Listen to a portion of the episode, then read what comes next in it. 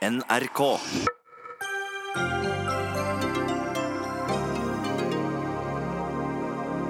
Programkomiteen i Høyre sier nei til eggdonasjon. Men spiller det egentlig noen rolle hva Høyre mener når stortingsflertallet sier ja? Borgarting lagmannsrett bryter loven hver dag fordi ventetiden er opptil flere år. Er løsningen å bare ankebehandle de alvorligste sakene? Gi populistene makt, så mister de sin appell, har mange trodd. Men det stikk motsatte skjer, viser forskning. Og blir du smelt på tjukken, får du betale aborten selv, med en rausdagder Frp. Skal også godtegriser måtte punge ut selv når de får diabetes?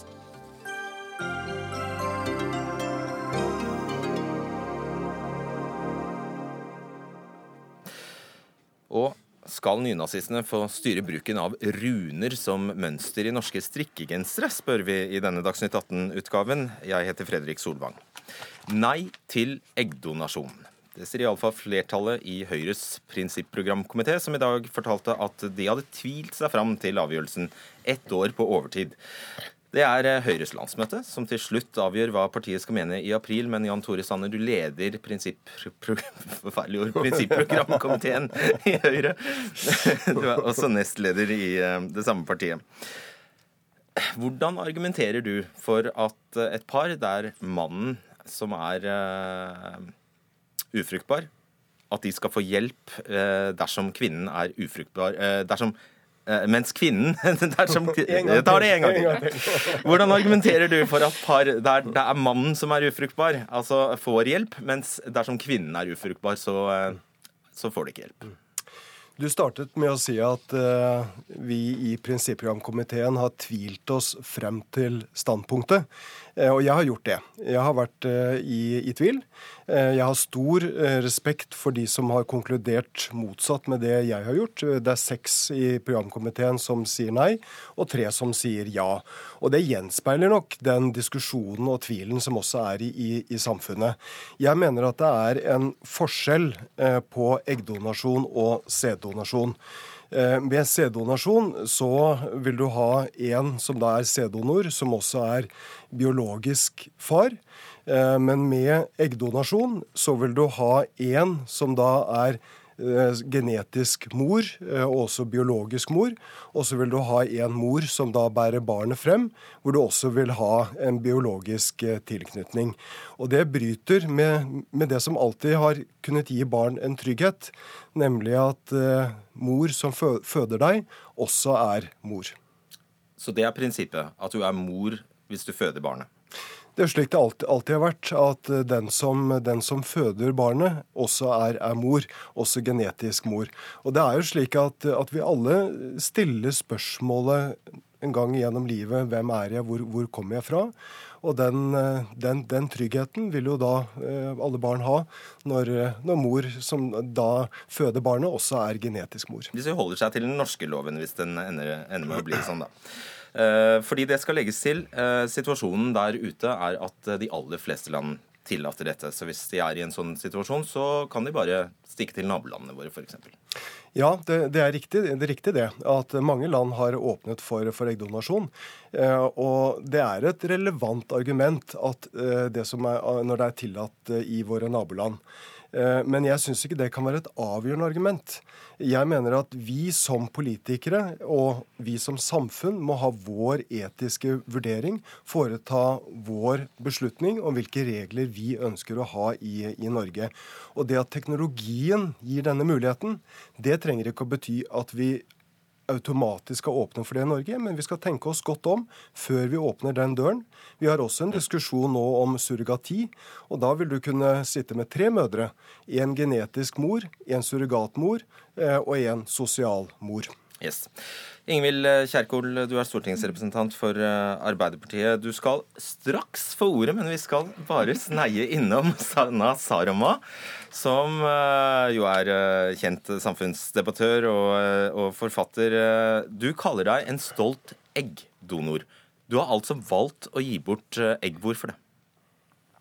Ja, det var egentlig et uhell, eller et lykkelig uhell. Fordi jeg eh, jeg har, hatt, jeg har fått prøverørsbarn, og da jeg endelig produserte egg, noe jeg til vanlig ikke gjorde, Og da jeg gjennomgikk en prøverørsbehandling i Finland, så produserte jeg veldig veldig mange egg. Og disse, disse eggene ble da befruktet med min daværende manns sæd.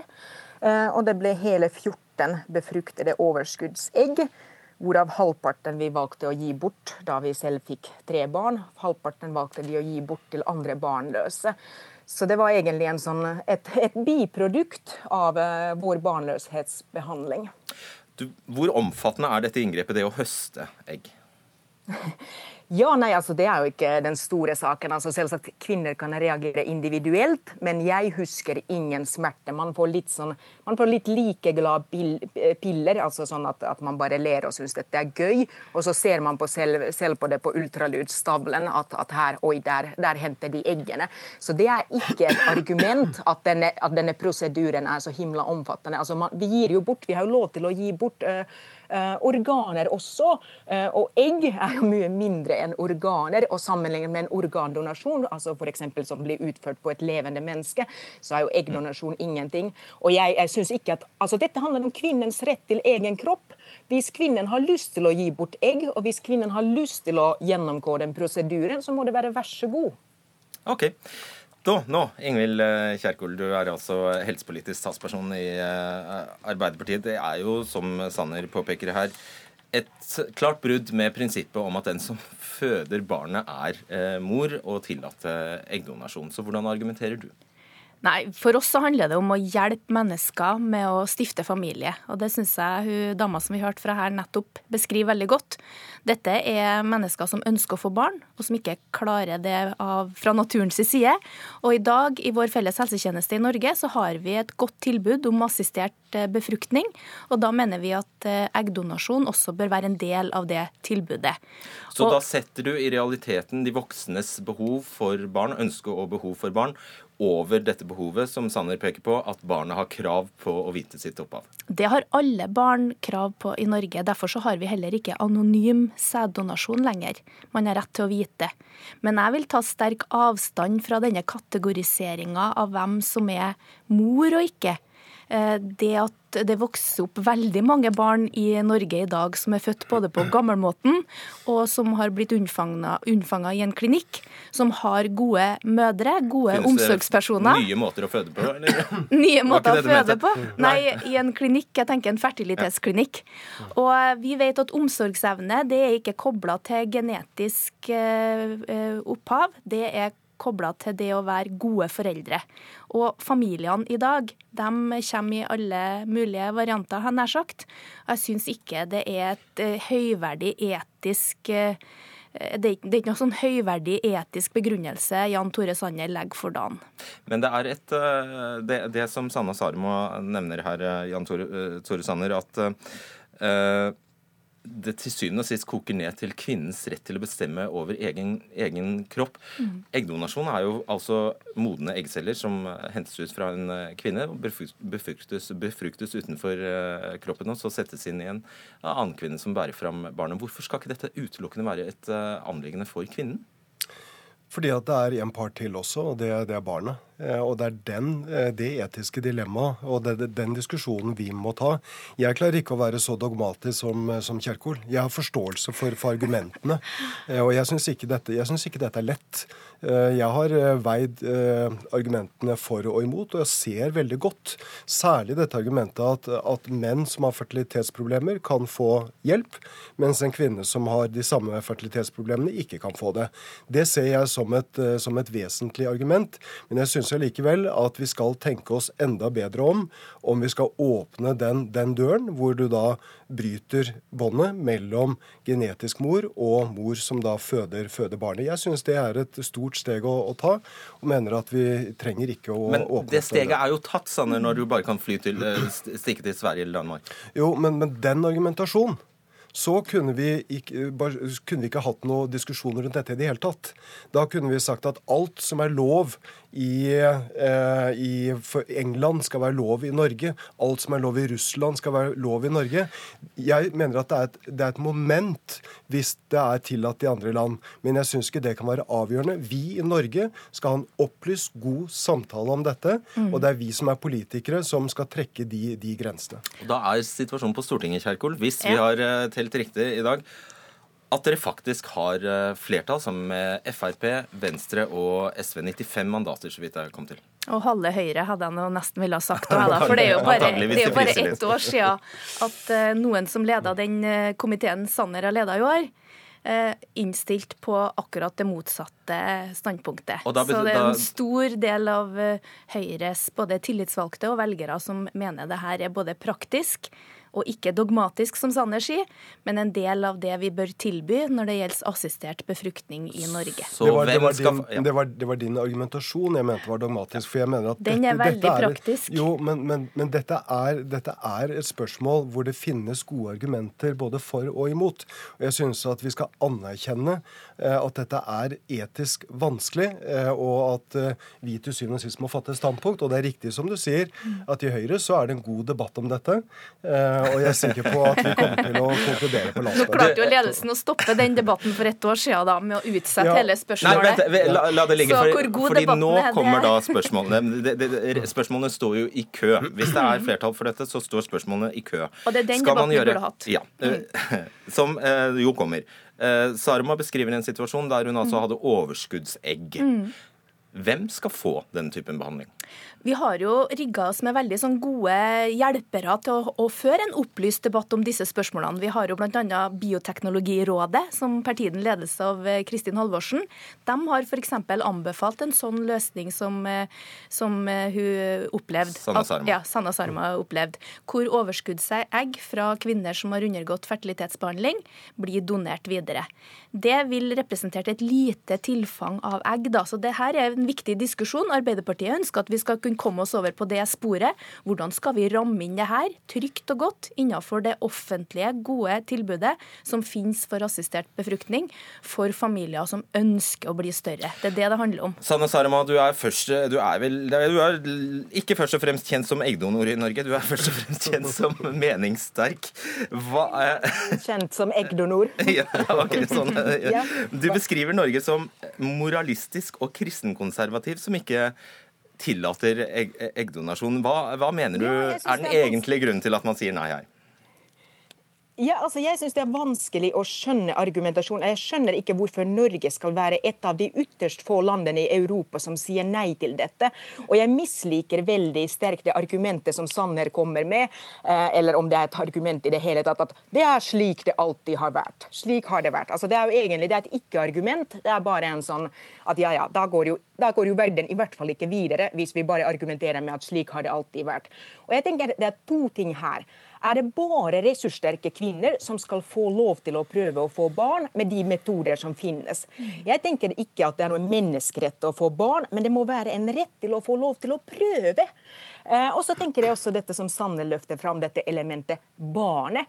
Hva slags beskjed er det å sende til alle de barna og de finnes allerede i dag i Norge, som er født med eggdonasjon. Og det kan godt hende at de barna som er født med mine overskuddsegg, at de har havnet i Norge. Det vet jeg ikke. Altså, det får jeg kanskje de er i tilfelle Sarma ja. født av foreldre, eller i hvert fall en forelder som visste at det hun gjorde var feil, eller eh, ulovlig etter norsk lov. Ja, men, men er det liksom Eh, tenker du på at barnet Nei, da skal for du sa at vi, Han kan ikke si sånn fordi de stakkars barna kan bli støtt. Men da sier jeg, da sier jeg altså de samme barna er født av en mor som visste at det hun gjorde, ikke var tillatt i Norge. Ja, ja, ja, for all del. For all del. Men, men, på en måte, det er jo litt sånn at, at man setter spørsmålstegn ved at skal ikke disse barna ha livets rett, eller er det noe feil med disse barna? Hvor mora jeg tenker at mora har elsket å få ham eller henne så mye at hun har reist hele veien til Sverige eller Danmark for å få henne eller ham. Det er en fantastisk historie å fortelle til barnet sitt. Okay. Sanner, ta dette med, med økonomi og at uh det kan ende slik at det bare er de mest ressurssterke som da har råd til en slik behandling i utlandet. Mm. Ja, og Da er vi igjen inne på, på, diskusjonen at det som er tillatt i utlandet, også skal være tillatt i, i, Norge. Og Hvis vi følger den argumentasjonen, så betyr jo det også at vi skal åpne for surrogati. For surrogati kan du da benytte i andre, andre land, men ikke i Norge. Ikke Sverige, akkurat. Nei, men du kan reise til, du kan reise til USA. Det er ikke så veldig Det er også mulig, mulig å gjøre. Eh, og vi må, vi må, ta denne diskusjonen. Ønsker vi å åpne den døren, som da i neste omgang vil være en diskusjon om surrogati? Eh, eller mener vi at, at her skal vi gå noe mer forsiktig frem? Uh, la meg stille deg et spørsmål du kanskje ikke er helt forberedt uh, på, Ingvild Kjerkol. fordi dere ønsker også å tillate, uh, tillate prøverørsbefruktning for enslige. Dvs. Si at hun kan da gå og få, få seg sæd i en sædbank. La oss si at det kommer en kvinne som vet hun ikke har dugelig egg. Kommer, kommer, til klinikken og, og får sæd. Så viser det seg at hun ikke har egne egg, og hun går da videre til eggbanken. Så, så, bærer hun fram dette barnet. Da er hun i praksis egentlig en surrogat. Så har hun gjort en avtale med et annet par om at det er ikke hun som skal bringe opp dette. Det er ikke hun som skal stå for, uh, for dette barnets oppvekst. Det er faktisk dette paret. Hvordan skal du hindre det? Det der er et teoretisk eksempel. For hvis at du Det koster to millioner å få seg et sånt barn i USA, f.eks., så det er ikke sikkert ja. det er helt teoretisk. Ja, Men hvis vi skal diskutere surrogati, så må vi gjerne gjøre det. Det er en annen diskusjon.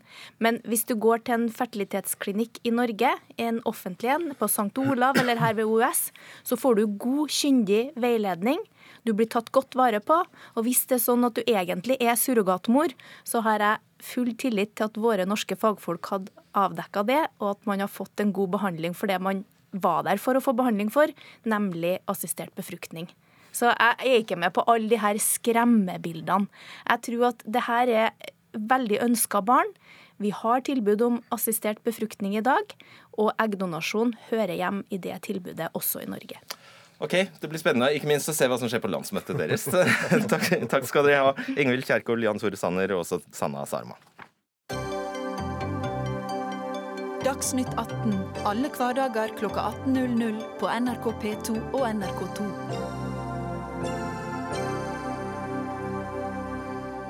Norges største ankedomstol, Borgarting, mener ventetiden for ankesaker uh, før ankesaker kommer opp, er urimelig lang.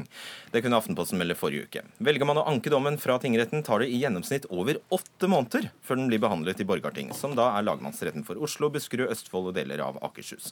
Dette er du bekymret for, Jørn Maurud, førstestatsadvokat ved Oslo statsadvokatembeter. Hvilke konsekvenser for disse lange køene? Jo, Det får jo at, uh, den konsekvens at domstolen ikke får behandlet de sakene på en slik måte at vi egentlig får uh, den nytten av de avgjørelsene som vi kunne ha fått. Altså, Ankedomstolen mister sin rolle som, som ankedomstol ved at den da utøver en form for rettsskapende virksomhet, fastlegger straffenivå og slike ting. Men de kommer jo opp til slutt? Ja, men da tar man jo også hensyn til den lange tiden som har gått, slik at man får på en måte ikke alltid et realistisk inntrykk av hva som er en riktig straff i, i den konkrete saken. Hvorfor har det blitt sånn? Ja, Det er et godt spørsmål. Det er jo mange, mange ting som eh, medfører at sakene varer lenger. Og det er en vanskelig vurdering. Hva kommer det av? Det, det er, eh, vi har mange flere beviser vi kan tilby. Forsvarerne ønsker jo mer bevisførsel. Eh, vi har en del nye sakskomplekser som tar ufattelig mye tid også. Nettovergrepssaker bl.a., med mange hundre fornærmede. Det er store, store sakskomplekser som lagmannsretten håndterer i en ankerunde. Og det medvirker til å ta tid. Og hjem klokka fire? Hjem klokka fire, ja. Kan det ha noe med saken å gjøre? Jeg tror jeg får litt, litt ja, effektive. Nå tror jeg ikke det er hjem klokka fire, egentlig. Det er svært ofte at vi må holde på utover kvelden også. Ja. Ok da. Penger, da? Ja, penger er én ting, men dette er ikke bare et spørsmål om kapasitet på dommersiden. Det er et spørsmål om kapasitet på, på rettssalssiden også. Så, så det, jeg tror nok at det er nødvendig at man tar noen grep for å få ned antallet saker, rett og slett. Mm. Bare for å dobbeltsjekke det først som sist, Marius Ditriksson, leder i forsvarergruppen i Advokatforeningen. Er dere enige om øh, Deler dere synet på hvorfor dette problemet har oppstått?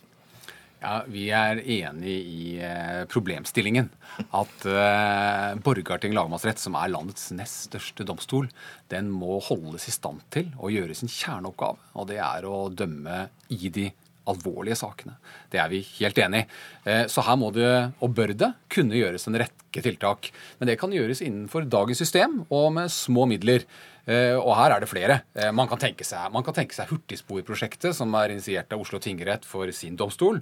Hvor man altså innenfor dagens system bringer en sak hurtig gjennom uten å endre loven, uten nevneverdige ekstra ressurser. Det er egentlig bare en se for at en sak skal ta i Bare litt dårligere rettssikkerhet? Nei, egentlig ikke. Ikke det hele tatt. Istedenfor at en sak skal ta åtte måneder, så blir den ferdig kanskje på 14 dager. Eh, den, den tanke går det an å overføre, går an å se nytt på disse problemstillingene, som man kan innføre i lagmannsretten. Man kan tenke seg et utrederkorps som kan legge forholdene til rette for dommerne, slik at de kan få unna flere saker. Man kan tenke seg flere dommere. Så bare innen domstolen er det en rekke løsninger. Men jeg tror det aller viktigste er at hver og en av aktørene går inn i seg selv og ser hva de kan bidra med. Og her, det må jeg si, her tror jeg påtalemyndigheten er den som virkelig kan forandre virkelighetsbildet. De kan skjære til sakene slik at de ikke blir så store, slik at det blir frigjort en masse ressurser. Men ditt forslag lyder litt annerledes. Ja, altså dette er jo et gammelt forslag, eh, og det har blitt fremmet flere ganger. Men nå ligger det altså inne som et forslag i, i den nye straffeprosessloven. og det er det at man slutter med den ordningen som vi har nå, at man eh, ikke realitetsprøver om en anke bør slippes igjennom. Eh, I de sakene med mer enn seks års strafferamme så, så, skjer det ingen realitetsprøving i dag. De skal prøves en gang på nytt hvis domfelte ønsker det. Uansett. Uansett, ja. Og uh, her har det vært andre forslag. Uh, at man skal se på hvor streng straff er påstått, eller hvor streng straff er idømt. Og så foretar man en vurdering da om er det noen grunn til å tro at denne anken vil ha noe for seg i, i en runde til. Og i brorparten av sakene så siles det jo i dag. slik at... Og gjør det det? Hvilke saker siles i dag, da? De med strafferamme under seks år. Ah, ja. Og det kan godt være straffer som er opptil både fire og fem års fengsel, det. Men, eh, men Forklar, bare klar hva siling er for oss andre. Siling er en populært uh, måte å, som man kaller det når man da altså Dommerne i lagmannsretten, i ankeutvalget, de vurderer hver anke som kommer. Og vurderer om det er grunn til å tro at denne vil kunne føre frem. Og i de tilfellene så, så vil de henvise den til behandling. Men hvis de da mener at uh, tingrettens dom eh, og bevissituasjonen De sitter jo med alle saksdokumentene og kan vurdere dette, og vil da si at nei, denne saken her er dødfødt, det kommer ikke til å skje noe i en runde til her. Da nekter vi den fremmet. Så du vil egentlig ikke innføre noe nytt prinsipp her? Du vil egentlig bare videreføre det samme prinsipp som gjelder for saker med strafferamme under seks år, over seks år? Ja. Er ikke det en god idé? Ja, Fjerner man sakene, blir det jo ikke noe uh, sakskø, så logikken ligger jo der. Men, uh, men, men kjerne, kjerneoppgaven til domstolen er å løse de alvorlige sakene. Og dette er en helt grunnleggende rettssikkerhetsgaranti. At det er overprøvingsadgang, særlig i de alvorlige sakene. Ja, men alle men, sakene med strafferamme over seks år kan ikke være like alvorlige? De mest alvorlige sakene eh, er av Stortinget fastsatt med en strafferamme over seks år. og Dette er de, de alvorlige sakene i vårt straffesakssystem. Men, men, det jeg tenker er at eh, til dette med siling med de, med de, mindre alvorlige sakene, det har fått passere fordi de er mindre alvorlige. Jeg tror de fleste aktører er litt enige om at den silingssystemet ikke fungerer tilfredsstillende for de mindre alvorlige sakene. Så la oss ikke gjøre det til jevnt over systemet. Og det jeg kanskje vil si, er at eh, i vårt system så er det så mye som kan gjøre uten å gjøre rettssikkerheten dårligere. La meg ta et eksempel. Hvis du sitter i en sak som har eh, forgreninger til utlandet, f.eks. i Sverige, så vil vi oppdage at før vi kommer i tingretten, ja, så vil vi si at de svenske delen, svenske delen av komplekset, den er gjerne eh, iretteført og vært i tingretten og lagmannsrett, eller hovrett som det er, da, før vi er i tingretten. Hvorfor går det så himla mye raskere i Sverige enn de gjør i Norge. Eh, vi ser I Norge så går kriminaliteten ned, men jeg må bare si at rettstimene går opp. Det betyr at sakene blir større og større, og større, og de vokser og vokser. Og vokser, og de som gjør dem litt store, det er påtalemyndigheten. Så de må skjære dem litt til. Ta et eksempel. Ta Jensen-saken. Ja, I, I, det vesentlige mot én kar. Jeg må la meg si det mot én kar. Det er Én post, én anklage. Og så sitter man altså mange måneder i retten. Hvorfor skal det være sånn? Eller i Lime-saken. Sitter i et år man tar så mange inn i saken at man sitter i ett år, og hele eh, tingretten kneler. Ennå ikke klart å avsi dom. Okay. Jeg tenker at her må man skjære litt til. Ja, men det, er jeg helt enig i. Og, men vi er nok uenige i hvem som har skylda i at sakene eser ut og at ting tar tid. Det, altså Der er vi jo flere om, uh, som kan skjerpe oss, det er jeg helt sikker på. Men også forsvarersiden bidrar jo veldig til at sakene eser ut. Men, men, jeg tror eh, det er mye å hente der. Men jeg tror også at det er eh, mye å hente på at man på måte forskutterer det, det forslaget som, som, som, ligger der allerede. Med at man faktisk også vurderer en del av de sakene som ankes, og som det i dag bare står 'jeg anker' omtrent. Punktum og så skal de vises, tas i sin fulle bredde en gang til. Er det morsommere eller mer interessant å føre lange, store saker enn flere enn små? Nei, Det tror jeg er eh, litt opp og ned. Jeg tror nok de fleste opplever at det å stå i retten i et halvt år og enda lenger, det er en påkjenning, og det er det ingen som egentlig ønsker. Men, eh, men sånn har det blitt i en del saker. og det, eh, det er litt en annen diskusjon også, eller en viktig diskusjon å ta. og Jeg vil si til Dittrikson at jeg er helt enig i at vi må kunne prøve ut slike ting som et sånn hurtigspor. eh, Og det var jo vi en pådriver for, å få til eh, slik vi har det nå. Men jeg tror ikke en del av de sakene vi snakker om, egner seg for det, altså. Ok, Du får svare kort på det. Det blir stadig færre straffedommer. Dommerne sitter lenger og lenger i retten, og det er fordi påtalemyndigheten lager rammene for saken, og den må gjøres mindre, og det lar seg gjøre. Man, man må gjøre som i Sverige. Gå for det mest interessante, ta det mest opplagte, og da, man må ikke miste av øye det som er formålet med det man skal gjøre, nemlig å fange forbryterne, få dem dømt og få dem i fengsel. Eller frifunnet, hvis det er grunnlag for det. Så det, det er det man skal gjøre, og ikke gjøre det, er det så stort at domstolene kneler. Og der tror jeg nok eh, vi advokatene, i hvert fall sammen med påtalemyndigheten, er villige til å gjøre et løft om vi kan. Ja ja, det er flott.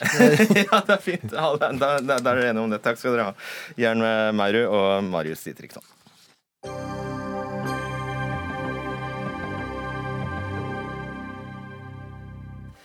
Populistiske partier i Europa blir ikke mindre populære etter at de har fått makt, skriver The Economist. En ny analyse av 296 europeiske valg viser at utstøtte partier som blir tatt inn i varmen, ikke får mindre støtte fra folket. Populistiske partier har makt nå i Polen, Ungarn, Østerrike, Tsjekkia, og femstjernersbevegelsen kan få makt i Italia om en måned.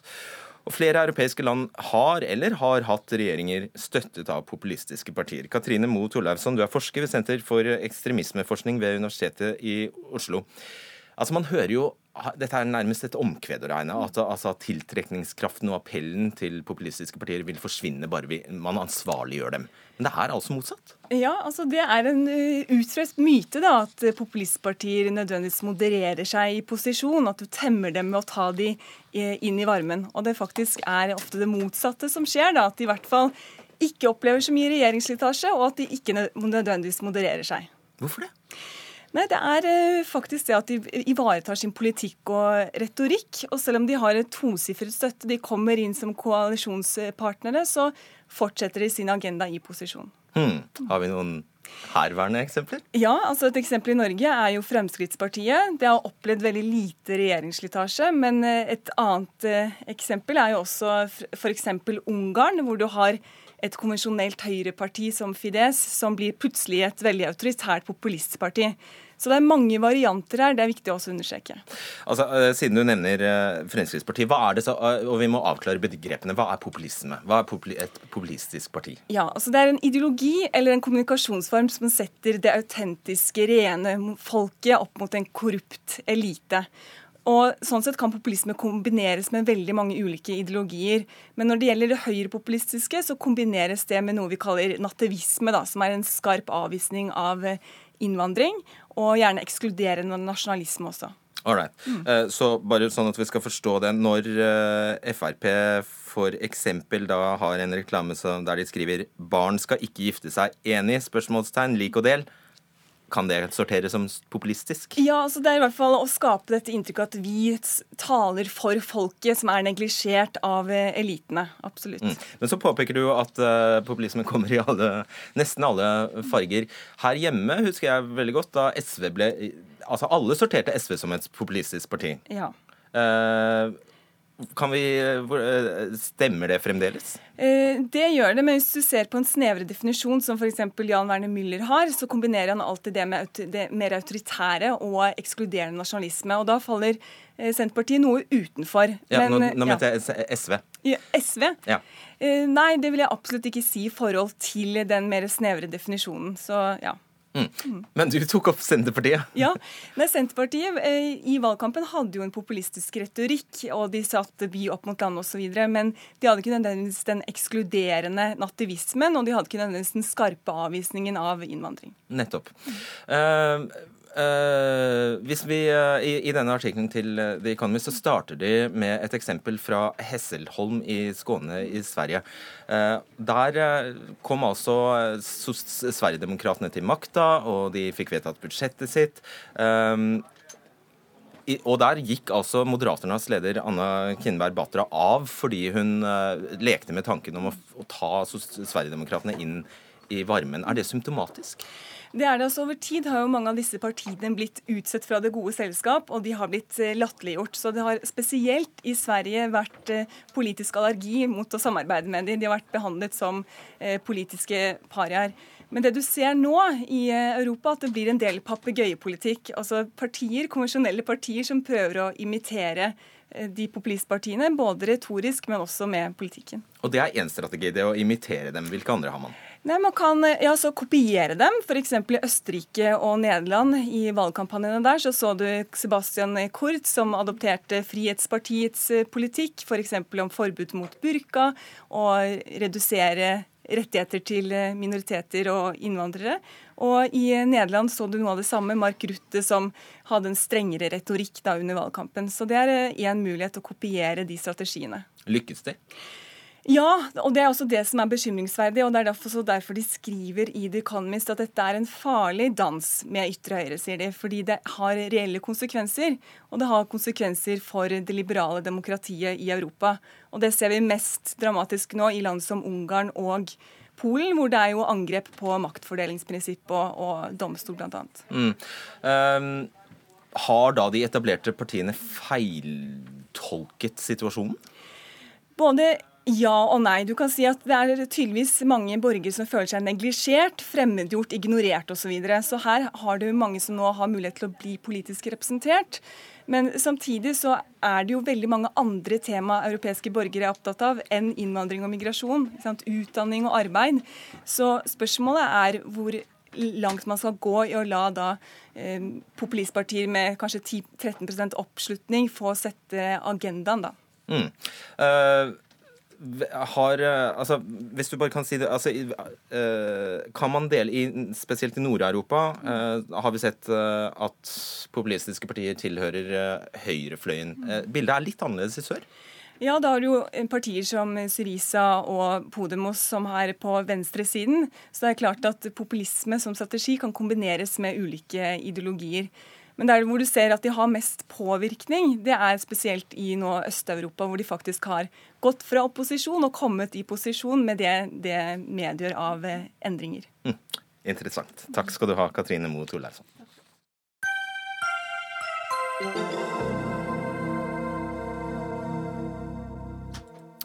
I dag ble det klart. Myndighetene vil likevel innføre Spinraza-medisin til bruk for norske pasienter. Det såkalte Beslutningsforum for nye metoder har vedtatt at pasienter under 18 år som lider av den sjeldne sykdommen spinal muskelatrofi, SMA, skal få legemiddelet. Mari Storstein, du er dokumentarfilmregissør og lider av eh, SMA. Dette vedtaket gjelder altså ikke deg og om lag 30-40 andre personer som eh, er over 18 år. Det sier seg vel selv at dere er skuffet? Ja, altså denne dagen har vært utrolig tøff for mange. Det er vondt å se overskrifter i alle aviser eh, hvor Bent Høie og Beslutningsforum da jubler over at er kommet i mål, når da nesten halve pasientgruppen sitter med en stor klump i magen og da ikke har blitt tatt inn i denne beslutningen. Og ja. Men jeg ser jo også at flere er overrasket over at Beslutningsforum i det hele tatt tillot medisin for noen som helst. Jeg tenker jo at det var jo på tide og det har jo gått altfor lang tid før dette vedtaket er fattet. Det er jo et helt eh, Det at vi nå, pasientgruppen, har vært offer i et politisk spill mellom da helsemyndighetene og legemiddelindustrien, hvor da liv har vært i ferd med å gå tapt. Det sier jo seg selv egentlig da at denne beslutningen kommer altfor sent. Kom den konkret for sent for noen? Det var nære på forrige uke. Ok. Og Bare forklar veldig kort for oss hva er, uh, hva er sykdommen? Hva er uh, spinal muskelatrofi? Det er jo en medfødt uh, muskelsykdom. sånn som jeg, da. Jeg har sittet i rullestol siden jeg var ett og et halvt år. Jeg har da type 2 av sykdommen. Det finnes tre typer. Type 1, hvor den er mest alvorlig, hvor de fleste dør tidlig. Type 2, hvor man da sitter i rullestol, men er avhengig av assistanse og hjelp hele livet. Og type 3, hvor mange har gangfunksjon opp til en viss alder, men mister stadvis mer og mer. Så det er en progressiv sykdom som gjør at musklene svekkes, eh, man blir svakere og ja, dør ofte tidligere enn det andre gjør. Altså, Er spinnrase er den Kan sykdommen stoppes? Sykdommen kan absolutt stoppes av med spinnrase. Det vi har sett av folk som har startet med medisinen, så har den en helt enorm effekt. På barn som uh, har type 1, den svakeste graden av sykdommen, så kan de bli ja, tilnærmet funksjonsfriske ved tidlig bruk av medisinen. Vi ser jo at folk som aldri har kunnet sitte oppreist selv, sitter selv. Man ser at folk som med type 2, den graden jeg har, som tilsynelatende aldri skulle ha begynt å gå, kan løpe rundt. Så det er en helt fantastisk medisin. Men for oss voksne så vil jo det viktigste ved denne medisinen være å stoppe den negative utviklingen av sykdommen. Mm. Så for meg så ville det å ja, stoppe progresjon være like stort som det å på en måte begynne å gå. Hvis du skjønner, det å vite at jeg kan fortsatt være, være i arbeid, fortsatt være en god kjæreste, fortsatt kunne hente niesene mine i barnehagen eller på skolen, det er jo en ekstrem verdi i seg selv. Um, og jeg bare må også si det at vi var jo på en måte litt forberedt, vi voksne i dag, på at dette kom til å skje. Fordi um, ja, jeg våknet til nyhetskanalen uh, hvor Lars Woland, der leder i Beslutningsforum, uh, sier at de har tatt inn alle fagmiljøene i Norge for å vurdere disse kriteriene for uh, hvordan, hvem som skal få medisinen. Samtidig som vi har fått informasjon om at det er kun barneleger som har blitt tatt inn i denne vurderingen. Så ja. Det var vondt å, å, vite når han sitter og sier at det skal vi la ja. Lars Våland få svare på umiddelbart. Svare på. Du er altså leder i Beslutningsforum for nye metoder, Våland. Og det, eh, ta tak i det aller siste. Stemmer virkelig det? Det vi har gjort i dag, det er å, å si ja til eh, de under 18 år, altså barn. Og Bakgrunnen for det er rett og slett at eh, for voksne så har vi ikke dokumentasjon på at stoffet har effekt. Stemmer det, det, stemmer det, da at det kun var barneleger? Det var barneleger. så når jeg sa at eh, alle fagmiljøer i Norge, så var det fagmiljøene i barnemedisin som er samlet. Altså alle regionsykehusene vi har dannet. Vi har fått til en, en kvalitetssikring på dette og, og uh, gjort ganske mye godt arbeid for denne sykdommen. Men de som gjenstår, da, er, det er de som er over 18 år. Og det du sier, er at det ikke er påvist effekt av spinnrasa for personer over 18 år? Ja, det er riktig. Altså, vi har eh, gått gjennom litteratur, og vi finner ikke dokumentasjon som er, er god nok til å kunne håndtere den type pasientgruppen i øyeblikket. Storsand. Det er jo helt riktig som Våland sier, at det ikke foreligger noe mye placebo-kontrollert forskning på eldre grupper. Spinraza er jo også en helt ny medisin, hvor det tar lengre tid også å dokumentere effekt av sykdommen, fordi sykdommen er så utrolig varierende. Men det vi ser, og som hvordan også vet, er jo at det finnes utrolig mange historier der ute som han også har tilgang til. Jeg har gitt et dokument i Beslutningsforum, samlet historier fra USA og andre land med mennesker godt over 18 år som har et stor påvist effekt av medisin. Er disse historiene en del av beslutningsgrunnlaget? Vårland? Nei, de er, de er en del for kanskje lys over sykdom, sykdommen, men, men, hvis vi skal ha en beslutning, så må det være dokumentert vitenskapelig at det har hold. Nå er det vanskelig på disse små pasientgruppene. og Derfor vi, er vi også mer liberale både med økonomien og også dokumentasjonen. Men her var dokumentasjonen rett og slett for dårlig. Og det at det til nå nesten er umulig å innhente den type dokumentasjon som du etterlyser, som uh, Storstein hevder, hva sier du til det? Nei, det er det ikke.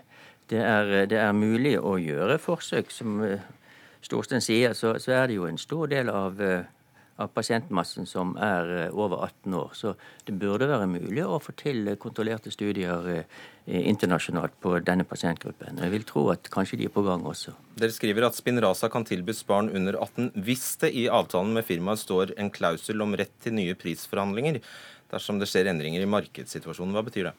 Nei, Det betyr at vi, vi, vet jo at, at, det er mange land som ligger og, og vaker og venter på hva de skal gjøre. Og noen av de store landene har ikke tatt beslutningene om de skal, skal sette i gang behandling med spinraser. Spinraza. Og eh, det vi mener med det, er at når de kommer på banen, så regner vi med at prisen kanskje kan presses ned ytterligere. og Da vil vi være med på det. Uh, hva, ja, før du slipper til, Storstein, bare la, la oss, altså Dere kalte altså, eller dere eller myndighetene kalte uh, prisen for Spinraza som selskapet Biogen hadde tilbudt for uetisk høy. Hvor høy er den nå, da? Det, dette var det første opprinnelige prisen. Den syns vi var, som du sier, uetisk høy. Nå har de gått ned betydelige pris, i tillegg til at vi har nå fått det vi kaller for start- og stoppsignaler. Altså det er slik at uh, vi starter behandling, og så evaluerer man grundig behandlingen etter ett år. Og det er ca. én av tre som har liten eller dårlig effekt av uh, denne medisinen. Og Da vil vi da vurdere skal de da fortsette med medisin eller ikke. Og Den prisen som verserte i, alle fall i mediene, var at Spinraza koster 7 millioner kroner første behandlingsår per pasient. Altså hver sprøyte skulle angivelig koste 1 eh, million kroner. Ja, vi kom godt under det. Altså, i de siste, altså, de siste par ukene har vi hatt eh, god kontakt med Biogen. og også de har vært interessert i å, å prøve å få til en avtale som eh, vi kan akseptere. Og det har vi da også fått til. Hva gjør dere nå, Storstein? Nei, vi gir oss jo ikke nå i det hele tatt. Jeg merker også at jeg blir litt sånn provosert av å høre på dette, fordi i Legemiddelverkets rapport, som er den rapporten Beslutningsforum bruker i sin vurdering av nye medisiner, så står det at alder ikke skal være et særskilt kriterium for prioritering av helsetjenester. Og det står også at eh, en eh, beslutningsgrunnlaget skal fattes på gruppenivå. Ikke alle pasienter vil nødvendigvis ha samme nytte av Spinraza, men de sier også nå skal jeg finne det her i dokumentasjonen min. Men at dette må avgjøres av relevante klinikers konkrete vurdering av pasientens sykdomstilstand, uavhengig av alder. Så du, Dere mener altså at det skulle vært foretatt helt individuelle vurderinger av hvorvidt uh, pasientene skal få, kunne få spinneras, ja, uavhengig av alder? I en så variert gruppe, sånn som nå. Da. Nå har vi en historie med Tonje. Hun ble 18 år nå for noen måneder siden i denne ventetiden mens beslutningstakeren har sittet ved forhandlingsbordet. Hun har bikket det magiske 18. Venninnen er 16. Tonje blir svakere. Venninnen får muligheten til et langt og bedre liv. Hjerteskjærende, Lars Vollan. Ja da, jeg er enig i at eh, det er eh, forferdelig trist at vi ikke kan eh, gå over 18 år. Men det er ikke slik at, at legene kan, kan sitte og, og, vurdere individer som når man som gruppe vet at man har ikke dokumentasjon på at vi har effekt. Men hvilken, eh, på hvilket grunnlag, Lars Woland, kan du si at da Tonje på 18 år vil ha mindre effekt enn venninnen på eh, 16? Det kan jeg ikke si. Men, men altså det er slik at uh, den, denne medisinen er påvist god effekt hos barn. Og barn er definert som opp til 18 år. Da er det den gruppen vi håndterer. For ellers har du helt rett i at alder som sådan er ikke et prioriteringskriterium. Men her vet vi altså at det er medisin som per nå ikke har vist effekt hos voksne. Og da må vi forholde oss til det, og da behandler vi barn. Slik man har gjort i Sverige og, og en del andre land også. Ok, Svar kort på det. Så. Nei, jeg bare tenker for det Beslutningsforum, Dere skal jo forvalte et politisk forankret mandat. Og det er tydelig, et tydelig kriterium hos dere er jo aldersnøytralitet. Det skal ligge til grunn for avgjørelser. Ja, det er helt korrekt, men skal, samtidig så skal vi ha dokumentasjon på effekt av medisiner. Vi kan ikke gi medisin som i sitt ytterste konsekvens ikke har effekt. Da får du bare bieffekt, altså bivirkning. Okay, men på historiene du har fått fra oss, og historiene du har lest fra USA og andre land, som jeg vet at du har tatt inn over deg, for vi har sittet i møter flere ganger, og du har forstått. Jeg har opplevd at du har forstått. Tar du de historiene innover deg, eller er det noe dere ikke ser på? Jo, selvfølgelig tar vi det innover oss. Og vi har jo også da behandlet de mest syke har vi behandlet helt siden før sommeren. Og, og nå starter vi også med de i gruppe to, og noen i gruppe tre. Ok. Kan det komme flere eh, Nå er det jeg som forlenger her. kan, kan, kan det bli aktuelt å, å eh, utvide med flere, flere, grupper? Ja, det er klart. Hvis dokumentasjonen kommer og, og effekten er god, så, så, vil vi jo vurdere det sånn som vi gjorde i dag. Vi setter strekk. Takk. Lars Vollan og Marie Storsand. Hør Dagsnytt 18 når du vil. Radio NRK Radio.nrk.no.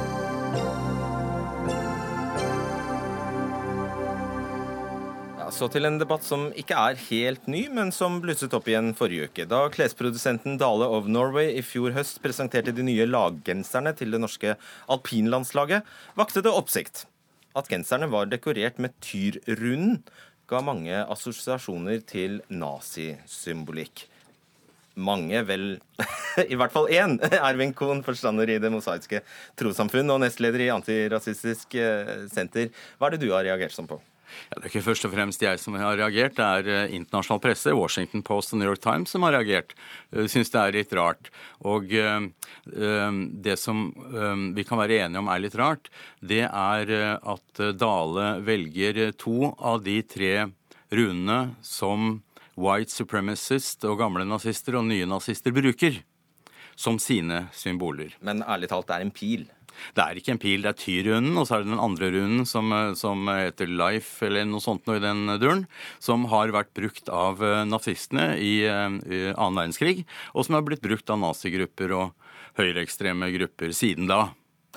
Ja, Men opprinnelsen er slettes ikke nazistisk? Nei, nei, nei, opprinnelsen er, er også førromersk eh, tid og blitt brukt altså i uh, runealfabeter uh, over hele Europa. Så i praksis så vil du bare at all bruk av denne runen skal forsvinne? Nei, nei, nei, for all del. Hvem skal kunne bruke det? og nei, nei, jeg sier altså de, de, må, altså de må brukes med omhu. Altså Noe av problemet er at uh, vi misliker at nazistene har appropriert disse runene. De har appropriert tre av runene i runeskriftene. Altså tatt dem til seg? Tatt dem, ja. Rappa dem Rappa og gjort dem til sitt. Og uh, vi husker det fra 29.07, da nordisk motstandsbevegelse marsjerte gjennom Kristiansand under da Tyrrunden, som de har som sitt banner. Ok. Øyvind Strømmen, du er forfatter og journalist. Kohn kaller disse, denne tyrrunden for eh, en verstingrune. Er den det? Ja, det er klart at uh, Vi kan begynne med det Kohn har rett i. og Det er jo selvfølgelig at uh, disse runene, både tyrruner og elasruner, altså den, den andre av de som er på denne genseren, vært brukt av høyreekstreme grupper. Eh, spesielt Al-Hasruna har jo også en historie med bl.a. blitt brukt av SS, eh, og da i betydningen av å være en sånn livsrune. Det er en slags Y med en strek, da. Ja. ja. Eh, og, og, og, det er helt riktig at, at, den, at, den, at nazister bruker den typen symbolikk. Men samtidig så er det jo også, som Kohn sier, det er slik at de har rett og slett knabba de. Dette her er jo et dette er jo runer i et eh, gammelt eh, runealfabet, kan man vel kalle det, og, og som har røtter som går tilbake til germansk tid. Og Det er klart at det som det egentlig viser, det er hvordan eh, høyreekstreme grupper alltid knabber og tar i bruk kulturhistorien for å på en måte gi seg sjøl eh, legitimitet. Og det, det, gjelder jo ikke bare runene, det gjelder også f.eks. For, for at man bruker vikingsymbolikk mer generelt. Eh, har, man har sett mange eksempler på hvordan korsfarere har blitt brukt osv. Eh, og det som jeg syns er problemet med å på en måte ta en, en debatt om, om, disse runene som er brukt på disse genserne, og, og gjøre det til en, et problem i forhold til at det også har vært brukt av nazister, er at da diskuterer man på en måte dette på, på nazistene sine premisser, og det syns jeg er synd at vi skal gjøre. Så hvis alle fant på å lage en genser med svastika, så skal vi bare overse det òg, eller?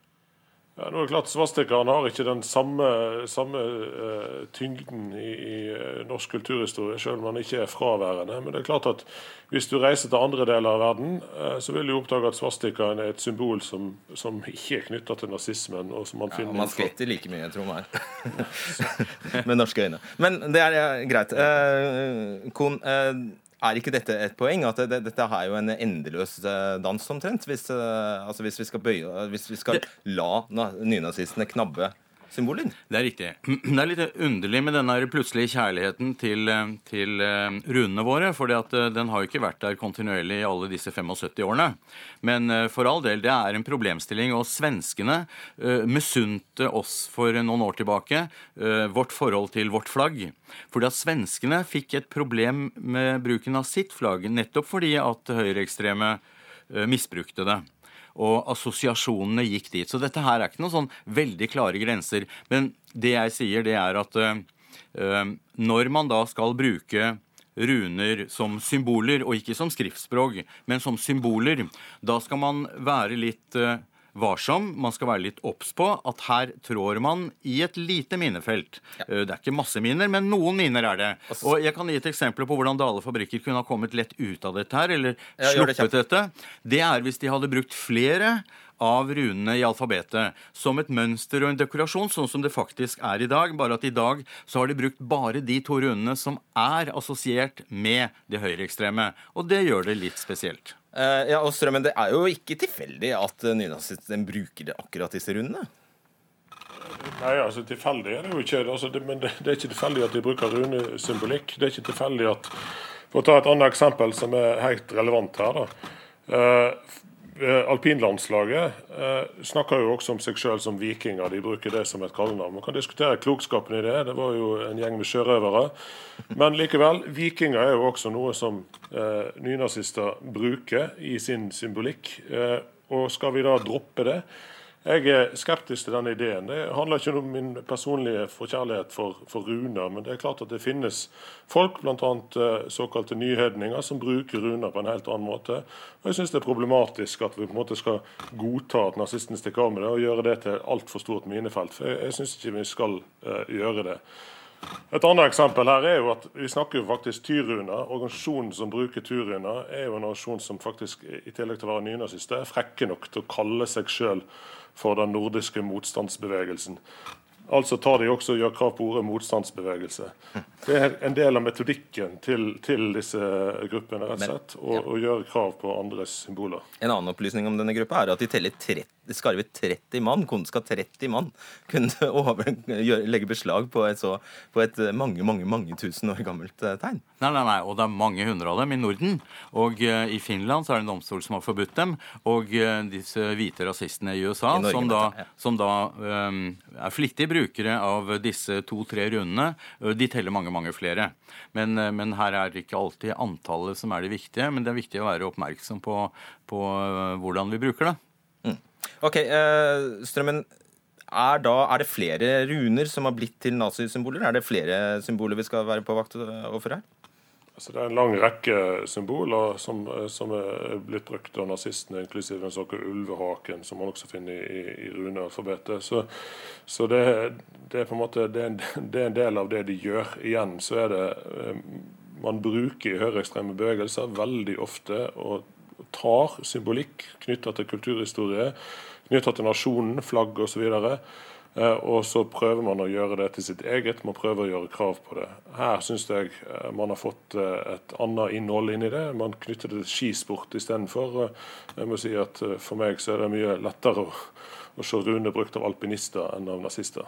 For all del, men en av de store, store målgruppene her er jo, er jo nettopp nordisk motstandsbevegelse. Så, så, neste gang de lager en marsj i en eller annen by i Norge, så ser jeg for meg at alle sammen går i dalegenserne. Eh, og det er ikke noe særlig. Fin genser du har, forresten. Marius Takk. Takk skal dere ha. Ervin Kohn og Øyvind Strøm.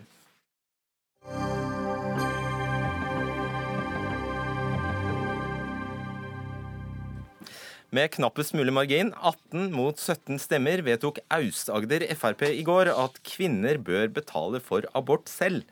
I dag er det slik at eh, dersom en kvinne blir gravid og ønsker å kvitte seg med fosteret, betaler staten for aborten. Men det vil altså lokallaget på Sørlandet ha slutt på. Silje Flaten Hauglie, Haugli, eh, styremedlem i Aust-Agder Fremskrittsparti. Dette forslaget ble fremmet av Agder FPU, men du ga det din stemme på årsmøtet i Aust-Agder Frp i går. Hvorfor det? Eh, først og fremst vil jeg bare poengtere at det resolusjonen handler om, er i hvert fall ikke en innskrenking av retten til å ta abort. Eh, det resolusjonen handler om, det er jo rett og slett at man må begynne å drøfte og sette spørsmål med hva staten faktisk skal betale for, og hva den skal ta ansvar for. Eh, vi vet jo at den velferdsstaten vi har i dag, ikke er bærekraftig i fremtida. Og vi er nødt til å begynne å se på mulighetene for kutt og effektivisering. Eh, og da begynner dere med abort? ja, altså jeg tenker at Det beste er å begynne med der eh, man har selvpåførte kostnader sjøl. Det å, å, ta en abort er en, en følge av en handling man har utført sjøl. Er det alltid sånn? Ikke alltid. og det er derfor vi kommer til å, Denne resolusjonen skal jo inn i fylkesstyret til behandling og rettskriving. og Da kommer vi til å foreslå en rekke tiltak eh, som eh, gjør at man skjermer de som er utsatt for overgrep eller incest, eller som er i en livstruende situasjon pga. svangerskapet, eller som er mindreårige. Da skal du slippe å betale. Ja, det syns jeg. Ja. Tiril Eide Barland, nestleder i Unge Venstre. Dere er jo for å kutte i offentlige utgifter? Et sted må man starte. Ja, et sted må man starte, men det er nok ikke ved abort. Uh, og jeg synes dette her høres ut som et angrep på abortloven. Uh, med mindre Aust-Agder Frp også mener at mennesker som har brukt tobakk hele livet, også skal betale for behandling av uh, lungekreft. jeg mener at helsevesenet skal Nei, hvor, vent, hvor, hvor, hvor, tar du det fra, at det er et angrep på abortloven? Hun understreker jo at det ikke er det. At det ikke er det? Altså, Hvis kvinner pga. økonomi ikke kan ta abort når de er uønsket gravide, da er det et angrep på abortloven. og jeg hører at FR, hun fra Frp sier at eh, voldtekt og sånne ting skal være unntak. Men da er også mitt spørsmål hvem skal bestemme det? Altså Skal en nemnd sette seg ned og bestemme det? Skal man tvinge de som allerede har opplevd den store påkjenningen, å gå gjennom en rettssak? Vi vet at mange i dag ikke anmelder fordi de mener det er en stor påkjenning. Eh, jeg mener dette forslaget er dårlig, uansett om man eh, tar høyde for enkelte grupper. Jeg mener det er et angrep på abortloven. Ok, Her var det flere poenger, men ta dette her med eh, Skal røykere betale for egen lungekreftoperasjon, eh, Hauglie? Eh, det er jo ikke noe resolusjonen har tatt stilling til i det hele tatt. Så det er jo litt på sida av det vi egentlig har vedtatt. Det som vi kommer Men det er en helt analog logikk, så derfor spør jeg. Ja, altså Jeg personlig mener på at det du påfører deg selv, det skal du betale for selv. Staten skal ikke alltid være barnevakten din og ta ansvar for dine egne valg. Ok, Og det andre poenget med hvem skal bestemme dette i praksis? Hvem som får gratis eller ikke? Det er jo noe som fylkesstyret og eventuelt landsmøtet til Frp må eh, sette seg inn i og avgjøre når det er aktuelt. Har dere tenkt på det? Ikke ennå. Har du en idé? Nei. Nei vel. Det er greit. Eh, eh, Barland, Hauglie peker jo på at det er liberale som, verdier som ligger til grunn for disse, dette forslaget. Svak statlig inngripen, stort individuelt ansvar. Det kan du vel ha sansen for? Jeg tenker, um, altså, Liberalisme handler jo om å sikre individuell frihet, men det handler også om å sikre reell frihet. Og da handler det også om at uh, uansett om man er uheldig, om man er født inn i en mindre ressurssterk familie, så skal man ha samme muligheter som de andre. Uh, men hvis noen, uh, fordi de har vært uheldige, ikke har råd til å betale for en abort, får sin frihet begrenses, da er ikke det reell liberalisme. Så her er jeg nok ganske uenig med den liberalistiske tolkningen til eh, Frp. Hauglie, hva med mannen? Skal han måtte betale? Nei, det syns jeg ikke. Eh, det er kvinnen som eh, må gjennomføre svangerskapet. Det er kvinnen som utsetter seg selv for å bli eventuelt gravid ved samleie. Og da er det selvfølgelig kvinnen som må ta ansvar for egen kropp og helse. Du, er du klar over hvordan aborttallene og kostnadene ser ut i dag? Ikke helt. Det bør du jo være, siden du er så opptatt av offentlige utgifter. Ja, så klart. Mm. Jeg kan opplyse deg om at det i dag eh, utføres 13 eh, 169 aborter i, i Norge, til en prislapp på om lag 55 millioner eh, kroner. Det er altså 2500 kroner per behandling og, av, av, aborter som gjøres med medisiner, og 10 000 kroner for et kirurgisk inngrep, altså en kirurgisk abort. 55 millioner kroner det er nesten ingenting på et statsbudsjett på, på, statsbudsjett på 1200 milliarder. Jeg syns ikke at man skal sitte og kimse av skattebetalernes penger uansett hvor lite eller stor kostnaden er. Eh, det som betyr noe, er at det sitter andre folk og går på jobb og betaler for det her, eh, mens folk velger å utsette seg selv for en handling som de kun kan stå for selv. Og Da mener jeg ikke at det er prinsipielt riktig at andre skal sitte og, og måtte dra på jobb for å betale for at folk har vært uheldige eller, eller uh, uforsiktige. Mm. Vi har jo eiendeler eh, for nesten alt annet i helsevesenet, Barland. Hvorfor ikke dette? Hva sa jeg? Eh, egenandeler, mente jeg. i hvert fall. Altså, abort er en, Selvbestemt abort er en rettighet, og ikke på en måte, jeg ser ikke på det som et velferdsgode. Eh, så det må, må vernes om. Men jeg tenker det går jo helt fint an å jobbe for færre aborter uten å Eh, angriper kvinners eh, rettigheter på selvbestemt abort. Man kan jobbe med forebygging f.eks. For vi kan styrke seksualundervisningen både på grunnskolen og også ha det på videregående. Eh, vi kan sørge for at alle har god nok kunnskap om prevensjon, og ikke minst gi gratis til prevensjon også til de under 16 år. Det er mye vi kan gjøre for å få ned aborttallene, men som det blir sagt, dette er ikke her de store pengene ligger. Her handler det heller om kvinners rettigheter. Hvilken, hvilke, hvilken sannsynlighet gir du deg selv for at dette forslaget kommer, går igjennom på sentralt, Haugli. Hauglie? Nei, altså jeg skal vel ærlig innrømme at jeg har ikke veldig tro på at det blir vedtatt på landsmøtet til Frp. Eh, men jeg syns det er viktig at vi tar opp debatten og begynner å, å sette på dagsordenen og begynner å drøfte litt på hvordan man skal takle velferdsutfordringene i fremtida. Vi begynte debatten her. Takk skal dere ha, Silje Flaten Hauglie og Tiril Eide Barland. Dagsnytt 18 er over.